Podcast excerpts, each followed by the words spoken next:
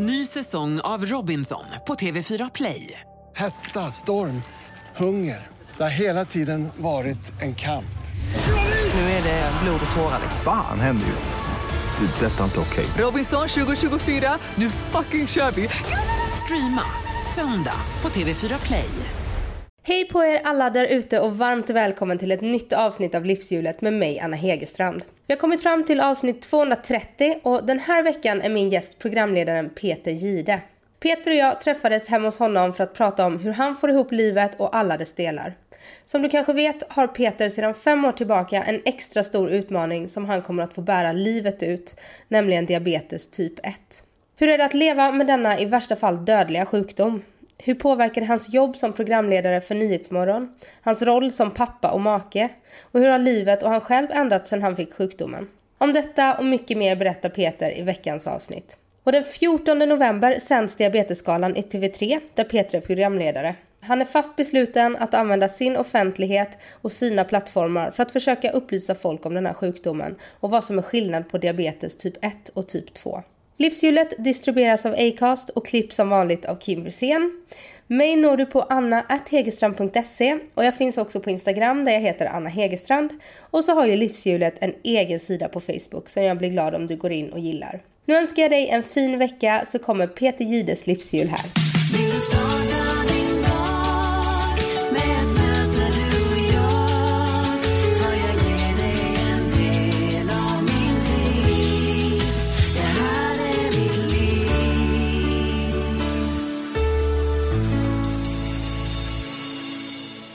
Välkommen till livshjulet Peter. Tack så mycket Anna.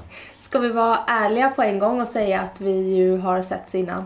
Ja, det var ju några dagar sedan och det var ju alldeles eh, fantastiskt trevligt tyckte jag. Hur gick det?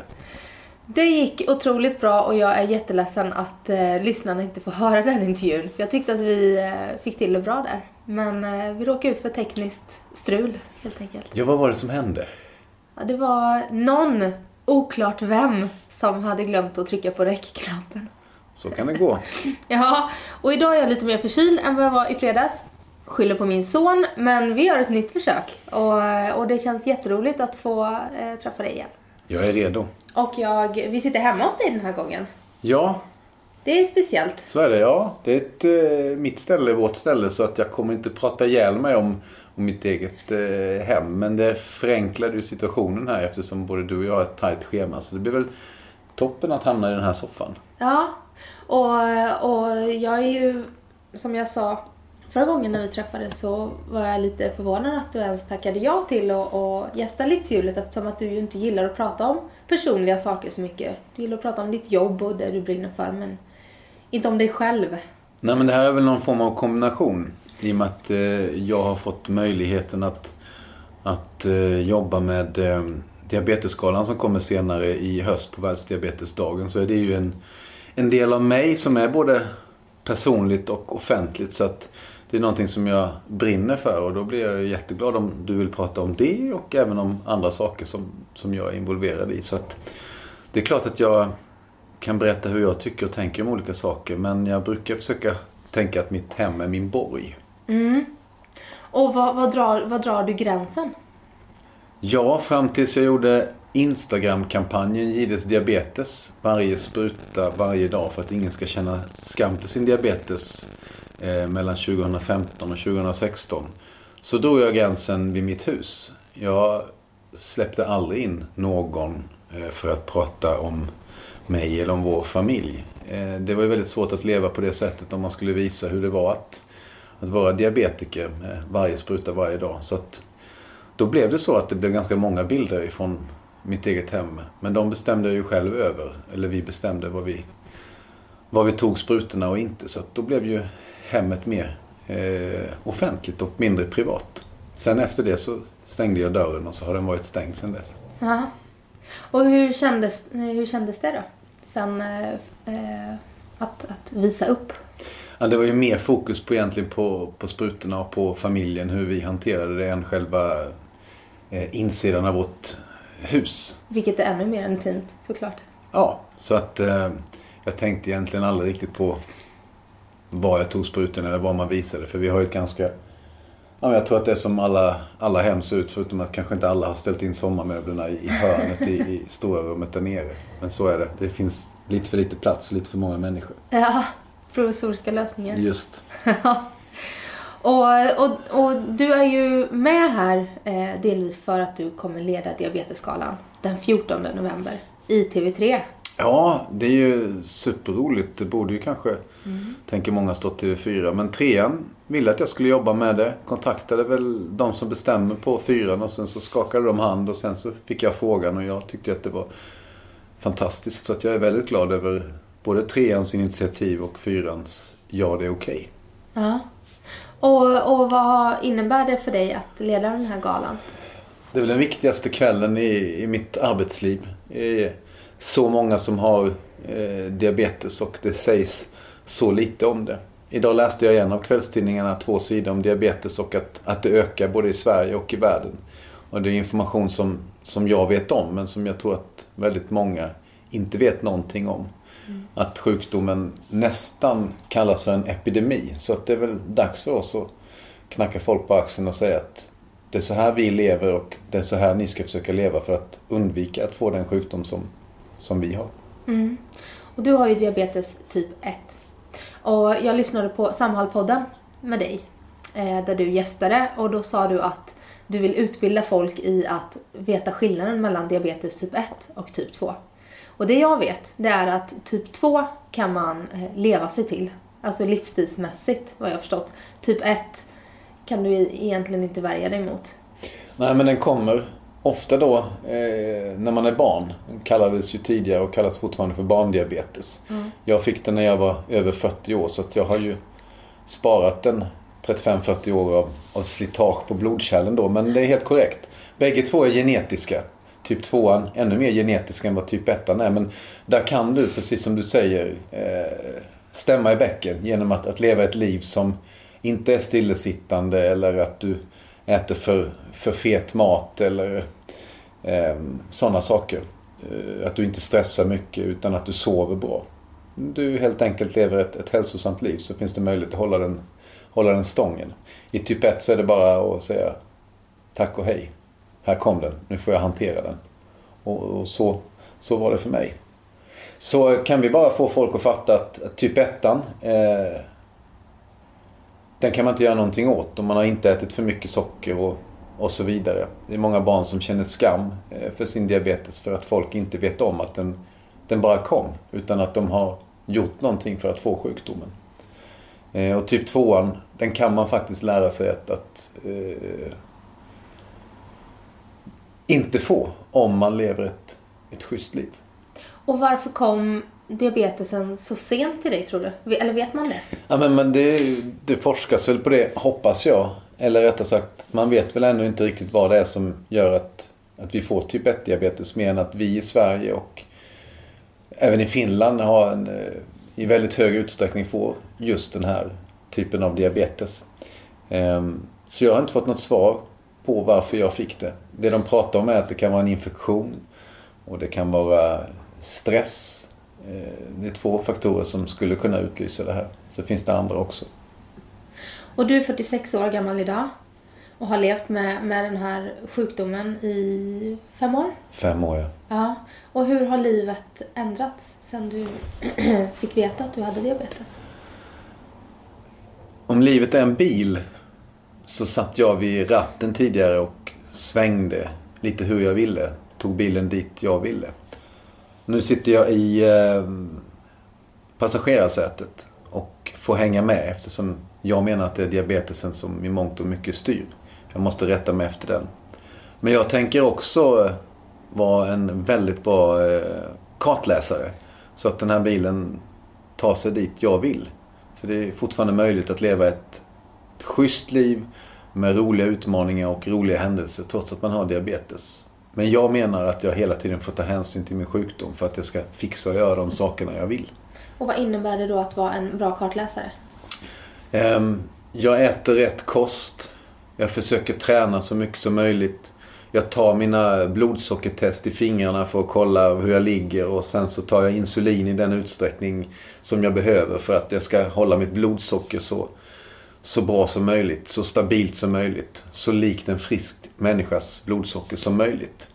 Då kan jag göra vad jag vill och kanske leva så länge som jag vill.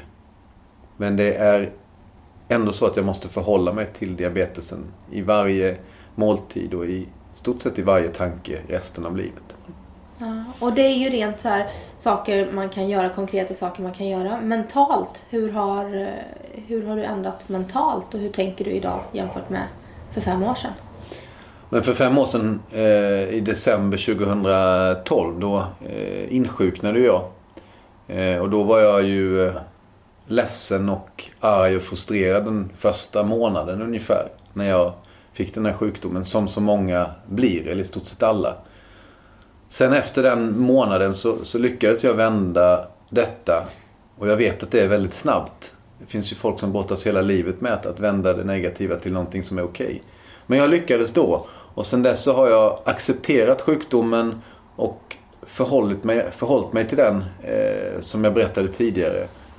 Och även mentalt så får jag ju vissa dippar ibland när allting känns supertufft. Om blodsockret är högt trots att jag gör allt för att det ska ligga på en normal nivå. Om jag får sådana här skakningar när jag har lågt blodsocker mitt i en sändning eller mitt i en, en tennismatch eller mitt i en promenad eller mitt under en middag och tvingas gå hem. Då blir det ju ja, men, rätt tråkigt ganska omedelbart. Men får man gå hem och sörja lite och sen så är det bara att acceptera det igen och, och fortsätta och ta nya tag. Hur är det med rädslan?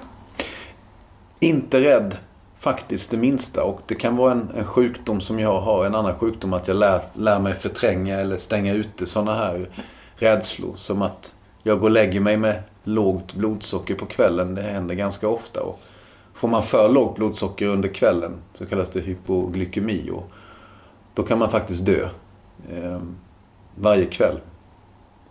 Men jag har inte blivit rädd för det. Eh, trots att jag haft, fått någon eller några ordentliga sådana smällar kvällstid och nattetid så känner jag ingen rädsla. Men varför går du och lägger dig med lågt blodsocker? Finns det en anledning? Ja, men jag har ganska lågt blodsocker generellt. Eh, Nästan som en frisk person. Och eh, det har funkat bra hittills och jag räknar väl kallt med att det kommer att funka bra även framöver. Jag vet att det är en ganska dålig kalkyl men det är så jag har resonerat. Och du har ju valt att verkligen bli ett ansikte utåt för den här sjukdomen och, och gjort mycket för att för kännedomen om den. Du har ett Instagramkonto som heter Jides Diabetes som har runt 50 000 följare. Um, kan du känna att du bara får vara din diabetes ibland? Nej, jag fick ju vara utan min, min diabetes i eh, tre års tid fram till 2015, 12, 12 när jag började den här kampen mot diabetes. Det här med att visa varje spruta för att ingen ska skämmas för sin diabetes. Det var många tonåringar som kontaktade mig och deras föräldrar då som sa kan du prata med mitt barn, han eller hon? Och jag gjorde ju det med några men kunde liksom inte prata med alla efter jobbet för det hade varit tagit för mycket tid. Så då tänkte jag hur ska jag kunna berätta det här att man inte ska skämmas för sin sjukdom? Att vi måste ta vår spruta. Eh, lika väl som en, en frisk människa måste andas. Och vi ska kunna ta vår spruta var vi vill. Likväl som att du andas var du vill och, och när du vill. Så då tog jag ju på mig det. Att jag som syns och, och finns i folks medvetande genom mitt jobb eh, inom svensk TV har ju på något sätt både en möjlighet och en skyldighet att informera om det här. Som så många har. Och så många riskerar att få om vi inte får upp ögonen för det. Så att eh, tycker att det känns bra att ha antagit den rollen. Vad var det som hände för fem år sedan som, som gjorde att du insåg att någonting var fel? Jag drack hinkar under Nyhetsmorgon. Jag hade börjat där i augusti efter sommaren på mitt nya jobb. Drack hinkar av vatten under varje sändning. Kissade väldigt mycket. Jag gick ner i vikt. Jag hade en dålig andedräkt som var eh, acetonliknande. Och eh, jag var väldigt, väldigt trött. Och många av de här symptomen, eh, de klassiska diabetessymptomen, de trodde jag berodde på att jag hade börjat med skiftarbete, alltså med Nyhetsmorgon.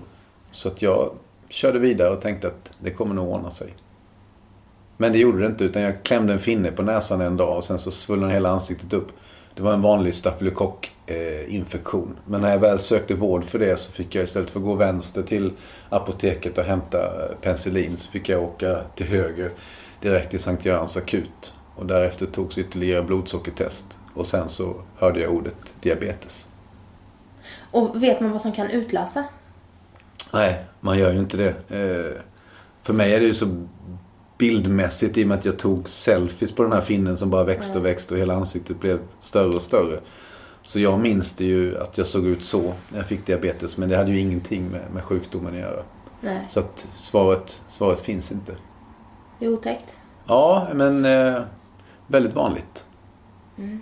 Och du som har jobbat mycket direktsändningar, sänt mycket sport innan direktsänt och eh, nu Nyhetsmorgon, eh, ska leda den här galan, också direktsänd. Eh, hur, hur funkar det? Du sa att du kan bli eh, arg och ledsen när du får lågt blodsocker i sändning och börjar skaka och sådär. Men hur ofta händer det?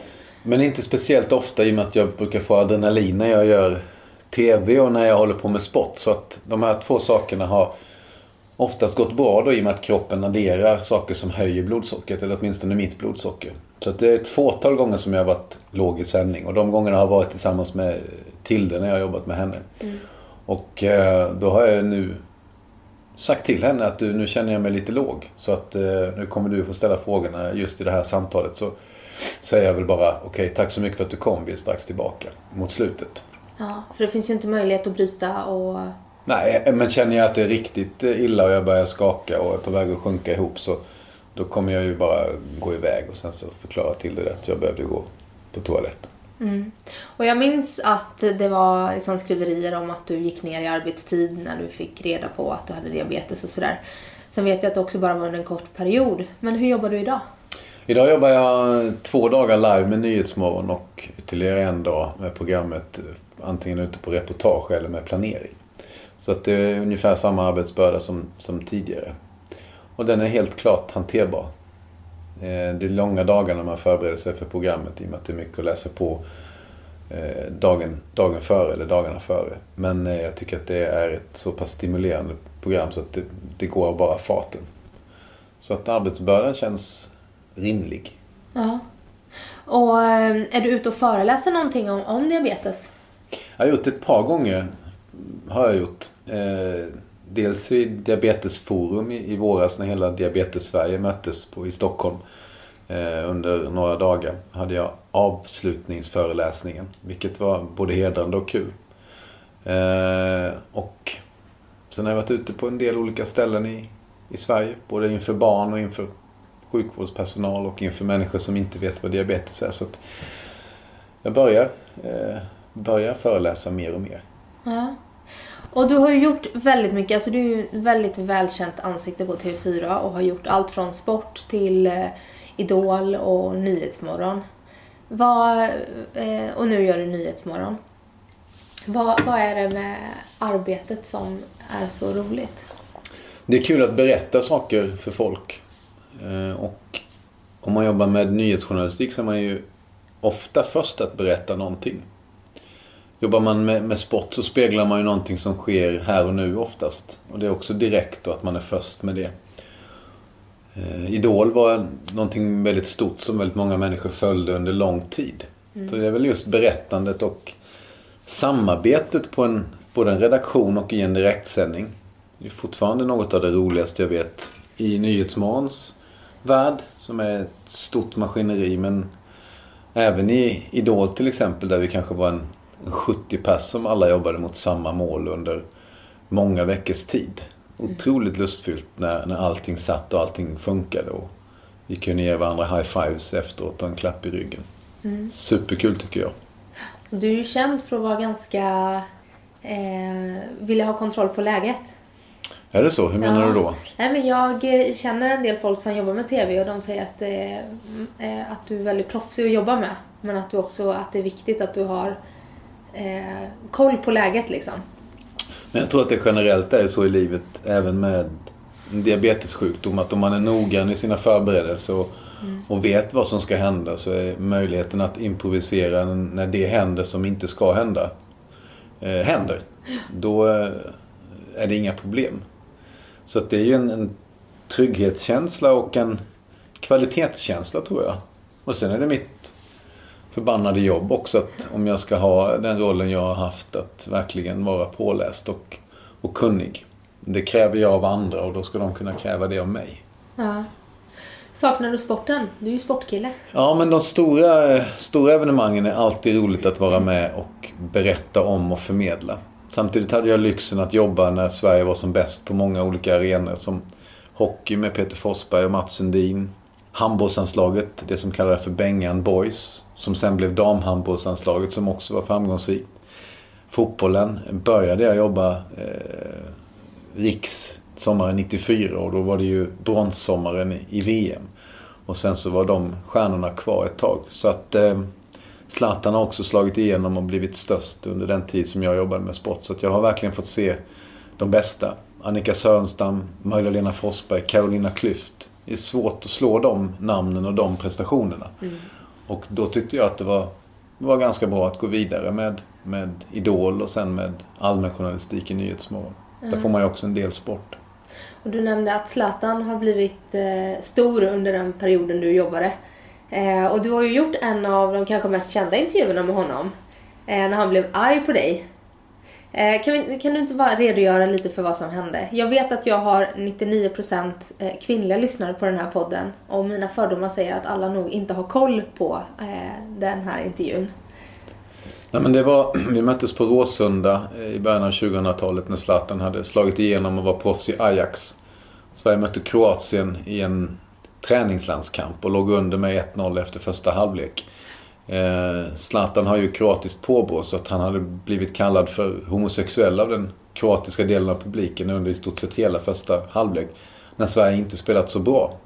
Zlatan hade också fått vänta på intervjun för förbundskaptenen Tommy Söderberg var först vid mikrofonen och sen kom Zlatan. Så han kan ha varit lite kall.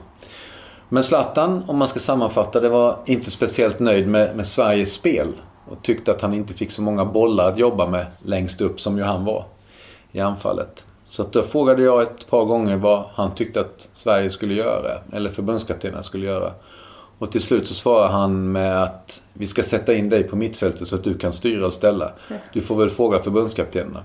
Och då så sa jag tack och sen så gick Zlatan iväg. Och sen har den intervjun levt vidare i många sammanhang när jag hamnar bredvid framförallt fotbollsälskande svenska unga män.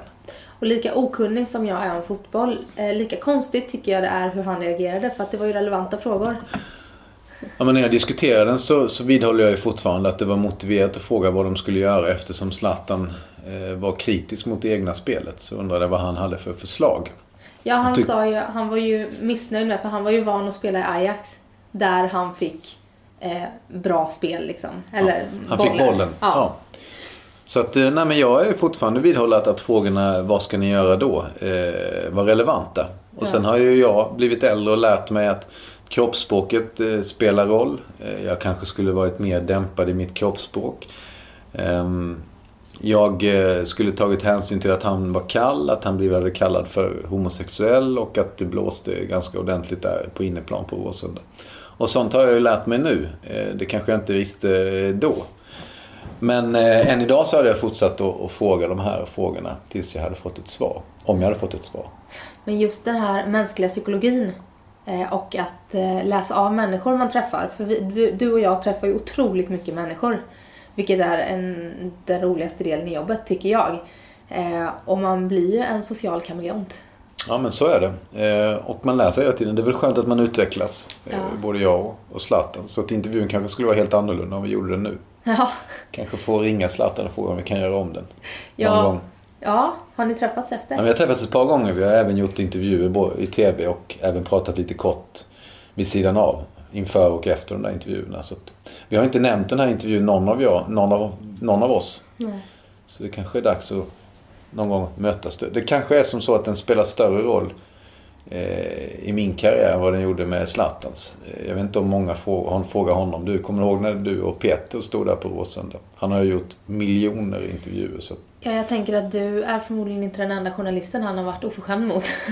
Ja, men frågan är om han var oförskämd eller om han bara tyckte att det var nog. Eh, det är inte, jag, är inte upp till mig att bedöma och kalla honom för oförskämd. Utan det fanns ju olika omständigheter där som, som gjorde att han kanske reagerade. Du, det har ju stormat en del på din arbetsplats TV4 de senaste veckorna. Eh, just nu så börjar väl rubrikerna handla om lite andra grejer. Eh, men hur, hur är det att jobba på TV4 efter de här skandalerna? Jag har alltid trivts väldigt bra på TV4. Jag var ju på SVT ett tag och gick tillbaks till TV4 för att jag tyckte att det var en, en snabbare organisation. Från tanke till handling. Och det känner jag väl fortfarande att det är. Däremot så har ju organisationen visat stora brister när eh, de här historierna har, har rullats upp. Så jag är glad för att, att det görs en undersökning och att man frågar alla medarbetare vad de tycker och tänker i, i det här ämnet. Och att man sen gör upp ett regelverk som borde ha funnits långt tidigare. Det är ju ingen på sin arbetsplats som ska känna sig sexuellt trakasserad eller att det ska begås något övergrepp mot någon. Så att där hoppas jag och tror att TV4 kommer att vara väldigt tydliga och väldigt mycket bättre än vad TV4 har varit fram tills idag. Blir du som man rädd för att du kan ha sagt någonting någon gång? Men jag är uppvuxen i ett omklädningsrum eh, så att jag har sagt eh, saker genom åren och ganska långt upp i åren. Men jag har ju blivit påmind om de här sakerna som när jag har försökt skämta på ett sexistiskt sätt. Både i sändning och även vid, utanför sändning. Och, och när jag ser de här grejerna så ser jag ju hur, hur dåligt det är och lär mig av det. Så att jag har verkligen lärt mig den här läxan och borde ha gjort det långt tidigare. Men orolig är jag inte för att jag skulle ha begått några sexuella övergrepp eller eh, trakasserat någon. Där känner jag mig trygg. Däremot så har jag skämtat på ett felaktigt sätt. Och jag ser det lite som så att, att när jag var liten, eh, och det är ingen ursäkt men det är en förklaring, så, så skämtade man eh, säkert på ett rasistiskt sätt. Det som nu kallas för chokladboll kallades för något annat när jag var ung. Och det var helt okej. Det är inte alls okej idag, tycker jag. Och jag förstår varför. Eh, det sades även i sportsammanhang skämt som var homofobiska. Eh, det gör inte jag längre. Så att jag hoppas att, eller jag vet att jag har lärt mig av den här eh, sexistiska läxan. Och jag hoppas att, att alla andra män i, i min ålder och i alla åldrar också har lärt sig av dem. Så känner jag. Och kvinnor känner jag. För när, när den här debatten drog igång så började jag fundera. För det, det var jättemånga som gick ut under hashtaggen metoo. Och sen så kom även en annan hashtag, I have. En del män. Eh, som gick ut och bekände. Och jag, jag kände så här liksom att Ja, nej men det där har inte hänt mig. Sen börjar man tänka på olika saker. Det har varit så accepterat på något sätt. Så att det är också svårt att kasta skuld. Sexuella övergrepp är ju såklart aldrig okej. Men, men att skämta på ett sexistiskt sätt. Det har ju inte varit något fel om du förstår vad jag menar. Nej, för samtidigt har det, eller ja, nej och ja. Ehm, Det har varit fel men det har varit fel men det har inte känts som ett fel. Nej. Det har Fast- inte varit fast- uppmärksammat. Nej. Människor som känner varandra eh, och har tagit i hand på att vi får skämta hur vi vill med varandra. Inför varandra. Eh, får ju göra det, menar jag. Däremot så ska det inte läcka ut till folk runt omkring. Eh, och vi ska framförallt föregå med gott exempel. Vi är ju äldre inför våra barn. Och om vi eh, slutar dra dumma skämt som är rasistiska, homofobiska eller sexistiska. Så lyssnar inte våra barn. För våra barn gör som vi gör. De gör inte som vi säger. Så att vi har en stor läxa att göra. Skulle du säga att du har grov humor? Nej, jag skulle nog faktiskt inte göra det. Det tror jag är lägesanpassat. Jag kan, ha, eh, jag, jag kan skratta väldigt mycket åt grov humor och jag kan säkert också vara grov eh, i munnen. Eller kanske mer skratta åt grov humor som är... Ja, det kan jag säkert göra. Men då ska det vara i den miljön där det är någon som jag liksom litar på och som jag gillar och som, där vi har den överenskommelsen att det här är okej att säga till varandra. Mm. Jag känner igen mig det där. Roligast tycker jag det är när man går ett steg för långt. Ja, men man kör det runt, runt, runt, Ja. runt. Och, Men då blir det så konstigt till slut. Och de som är... eh, Du och jag, om vi hade känt varandra så väl så hade vi vetat att det var gränsen går. Eller så hade vi flyttat den där gränsen och så hade vi kört in absurdum. Men det är mellan dig och mig i så fall. Ja, och det gäller att känna av läget. När Just. Men man- ska veta och ta i hand på att det här kan vi säga till varandra. Och du är pappa och tre flickor. Ja, Hur eh, Har du pratat med dem någonting om, om just den här debatten och ehm, så? Vi har alltid eh, varit tydliga med att du ska kunna säga nej. Och det tycker jag att de är ganska, eller att de är de är tydliga med i skolans värld också. Åtminstone de skolor som jag har eh, haft mina barn i. Att man ska säga nej, det här är min kropp. Men vi har ju i ännu större utsträckning sagt det nu att sträcka ut din hand och så säger du nej, stopp. Det där är inte okej. Och vi kommer nog att prata om det ännu mer eh, i kölvattnet av, av metoo. Det kommer. Vad är den största utmaningen då med att vara pappa? Nej men att, att jag har ju ingen, alltså oftast lär man sig av, av sina erfarenheter både skämtmässigt som vi har pratat om tidigare och av, av alla erfarenheter. Eh, det krävs ju 10 000 timmar för att man ska bli bra på någonting. Och de där börjar man ju få ihop nu som, som pappa. Så att, det finns ju inget facit som förälder men att man ska försöka vara med och forma och låta dem forma sig själva till tre stycken unika och egna individer. Men också som har värderingar som funkar i vårt hem och som funkar i samhället. Och det är så lätt att sitta här och, och säga det, det låter väldigt pretentiöst. För jag vet ju egentligen inte hur man ska göra mer än att vad jag tycker är rätt och fel. Så jag kan bara göra mitt bästa. Och hoppas att det blir bra. Och då är jag ju inte ensam utan det är ju föräldrarna, eller barnens mammor också. Och, och din äldsta dotter, hon är tonåring nu. Ja, Ja. Vad, 14 år. ja. Och mm, vad tänker du om det, att bli tonårsförälder? Ja, men det är en svår period. Det är en av mina lurigaste perioder, just högstadiet. Tyckte jag var jobbigt både skolmässigt och att ta hand om alla hormoner som fanns. utan att jag visste att de fanns överhuvudtaget ibland. Man bara var ju en idiot ibland. Och ibland så var man världens minsta och ville bara tröstas och ha eh, hjälp. Och sen var man supertuff eh, några timmar senare. Så det är en svår period. Jag har inget bra svar på det mer än att man ska försöka vara närvarande och, och lyssna på dem och, och eh, vara med dem. Gränslandet mellan barn och vuxen. Ja, Och man behöver få vara jättesvårt. båda ett tag. Ja, jättesvårt. Men idag så kryper ju allting mer i åldrarna. Väldigt mycket. Jag upplever att eh, tjejer som är 12-13 år ser väldigt mycket äldre ut. Och jag vet själv hur jag betedde mig när jag var i den åldern. Det känns som att man fortfarande nästan lekte med barbiedockor. Ja men så är det väl nog. Vi, vi har, alltså, informationen vi får i dagens samhälle är ju mycket större. Vi, vi, vi lär oss allting tidigare och ser allting tidigare. Så att eh, det gäller väl på något sätt stå emot och låta barn få vara barn så länge som de själva vill. Så det är en utmaning. Och du själv är 46. Ja, jag är inte något barn längre. Även om man kan känna sig som ett barn ibland. Vad tycker du om din ålder? Är du kompis med din ålder? Ja, men det tycker jag att jag kan. Jag kan fortfarande göra allting som jag vill. Jag har till exempel alltid hållit på med sport och nu har jag lärt mig en ny sport som heter paddeltennis. Där jag utvecklas nästan för varje gång jag spelar. Eh, och just den här utvecklingen det är väl lite eh, det som är livet. Man känner att man blir lite bättre på någonting. Det är väldigt, väldigt roligt. Och det är viktigt för mig som alltid har älskat sport så himla mycket. Att, att hitta någonting sånt. Ta en utmaning, att kunna förbättra sig själv. Tävla mot sig själv. Så att eh, än så länge kan jag göra allting. Ja, men lite ont i knäna får man under lite, lite snabbare och lite längre period när, när, när jag är fysisk. Men det funkar än så länge. Men så när det slutar funka så blir det nog körigare i livet tror jag. Om man är så, så kär i sport som jag är. Mm. Då tänker jag att du lever ju på ett sätt som faktiskt de flesta, eller alla borde leva på. Eh, äta nyttigt och träna och verkligen se efter, ta hand om din kropp.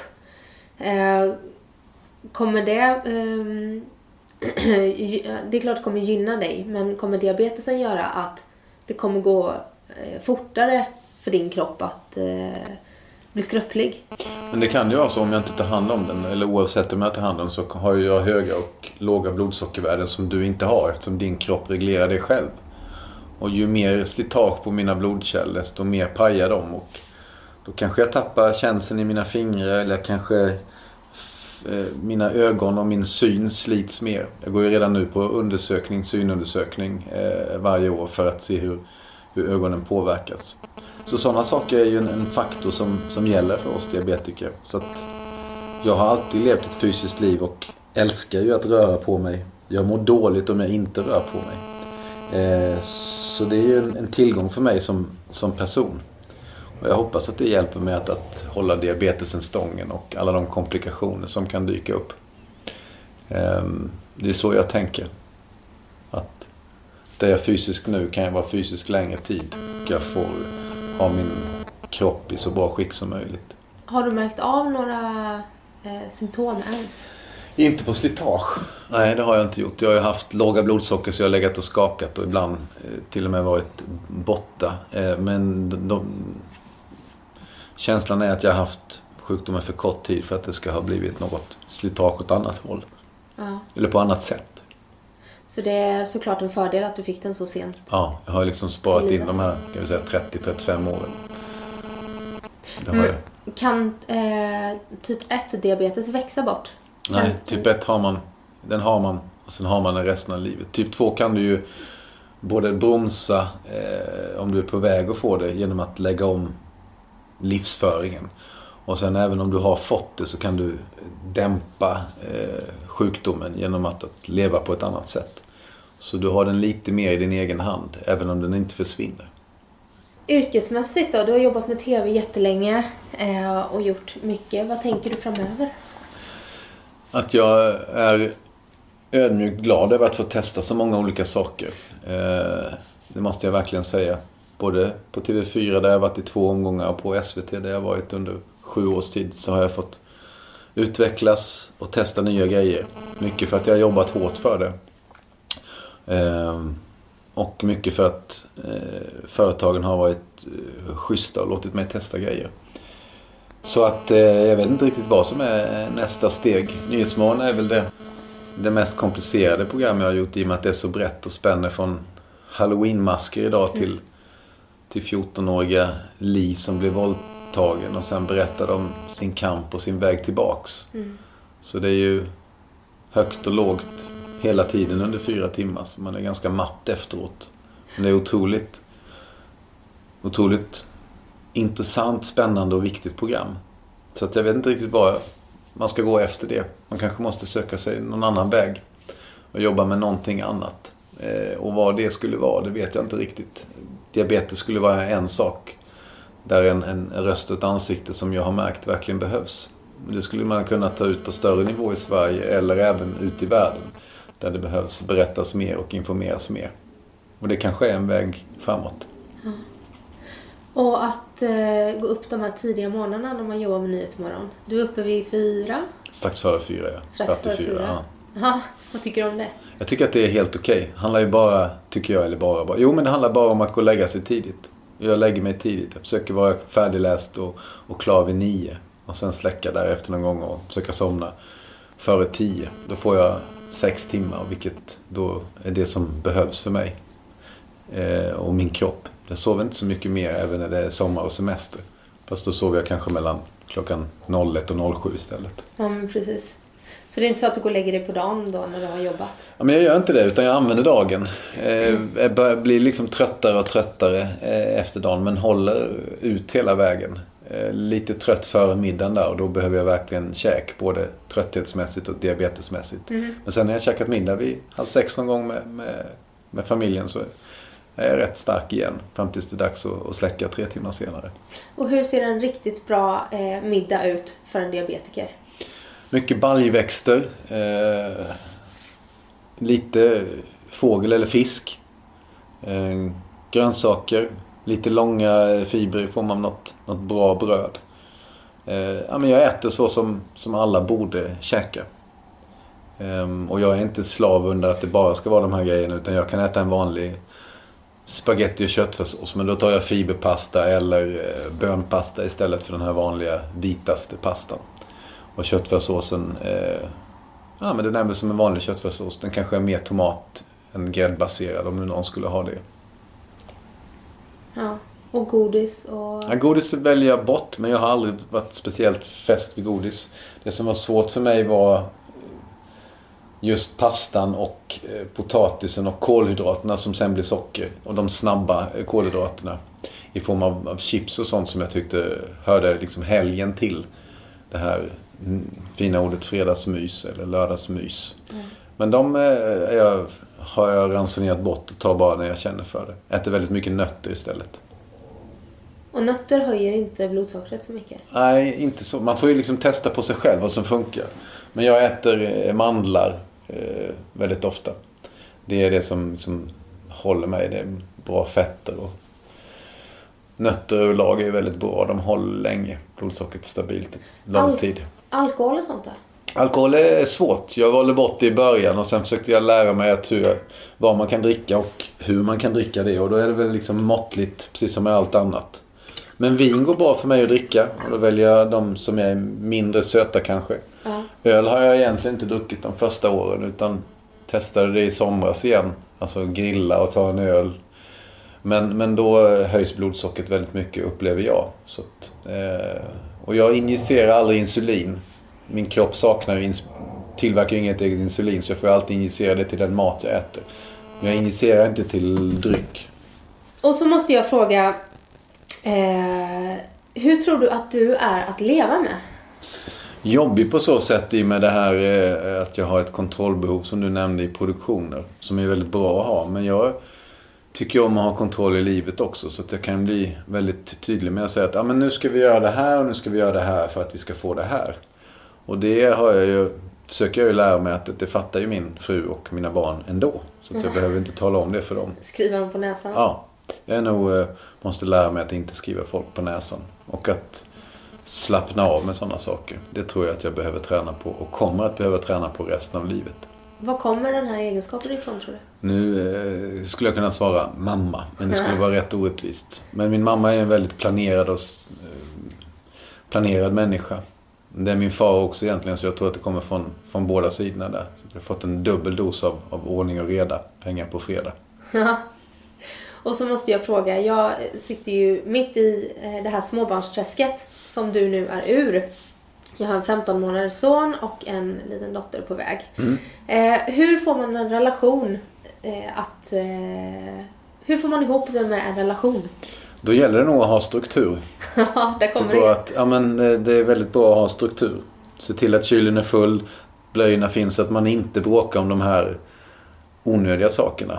Och att man har en planerad tid att nu ska du få vila den här förmiddagen, jag tar vagnen och går ut och går den här promenaden. Eller så gör man det tillsammans om man tycker att det är något som, som eh, är bra för relationen. Men att vara tydlig och berätta att ja, men idag så eh, tisdagar och onsdagar så är det vab för Anna. Nu vet jag inte vad din man heter men eh, och eh, fredagar och måndagar så är det X som, som tar vabbet. Och sen har man skakat hand på det och verkligen gjort upp. Så att det inte blir... Alla, alla onödiga konflikter ska man få bort. Eh, för att det finns så mycket konfliktfyllda situationer då med två små individer i, i, med i matchen. Sen så ger ju de härliga situationer som jag tror att man själv inte kan skapa. Även om man kan uppleva mycket häftigt, bara två vuxna, så när man får eh, de små in i bilden också så blir det häftigare, ännu häftigare. Ja, det blir ju väldigt mycket starkare allting. Ja, blir det. Sen så just att vara strukturerad.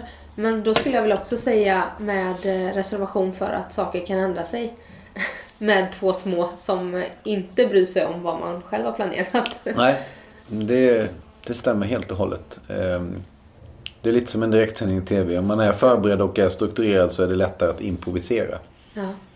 Det är lättare att improvisera med kylen full istället för att gå och stå tomt när man öppnar den och behöver en, en burk mat av något slag. Tycker du det är skönt att ha kommit till den här fasen att eh, småbarnsåren är borta? Gissa. Ja. Svaret är ja. Jag har gjort det och jag tyckte det var superhäftigt alla gångerna. Men eh, nu är de här små människorna på väg att gå från barn till att bli kompisar.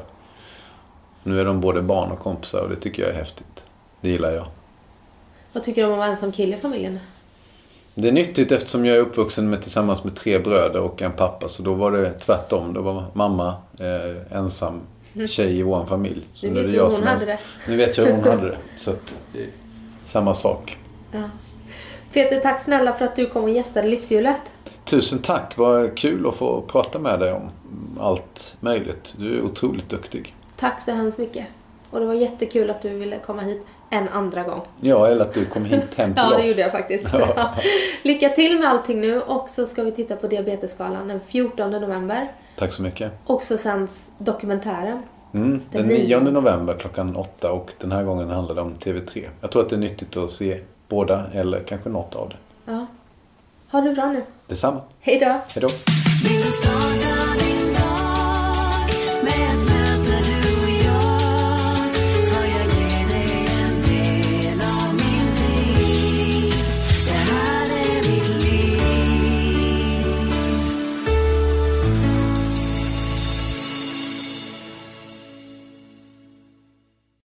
Ny säsong av Robinson på TV4 Play. Hetta, storm, hunger. Det har hela tiden varit en kamp. Nu är det blod och tårar. Fan händer just nu. Det. är Detta är inte okej. Robinson 2024, nu fucking kör vi! Streama söndag på TV4 Play.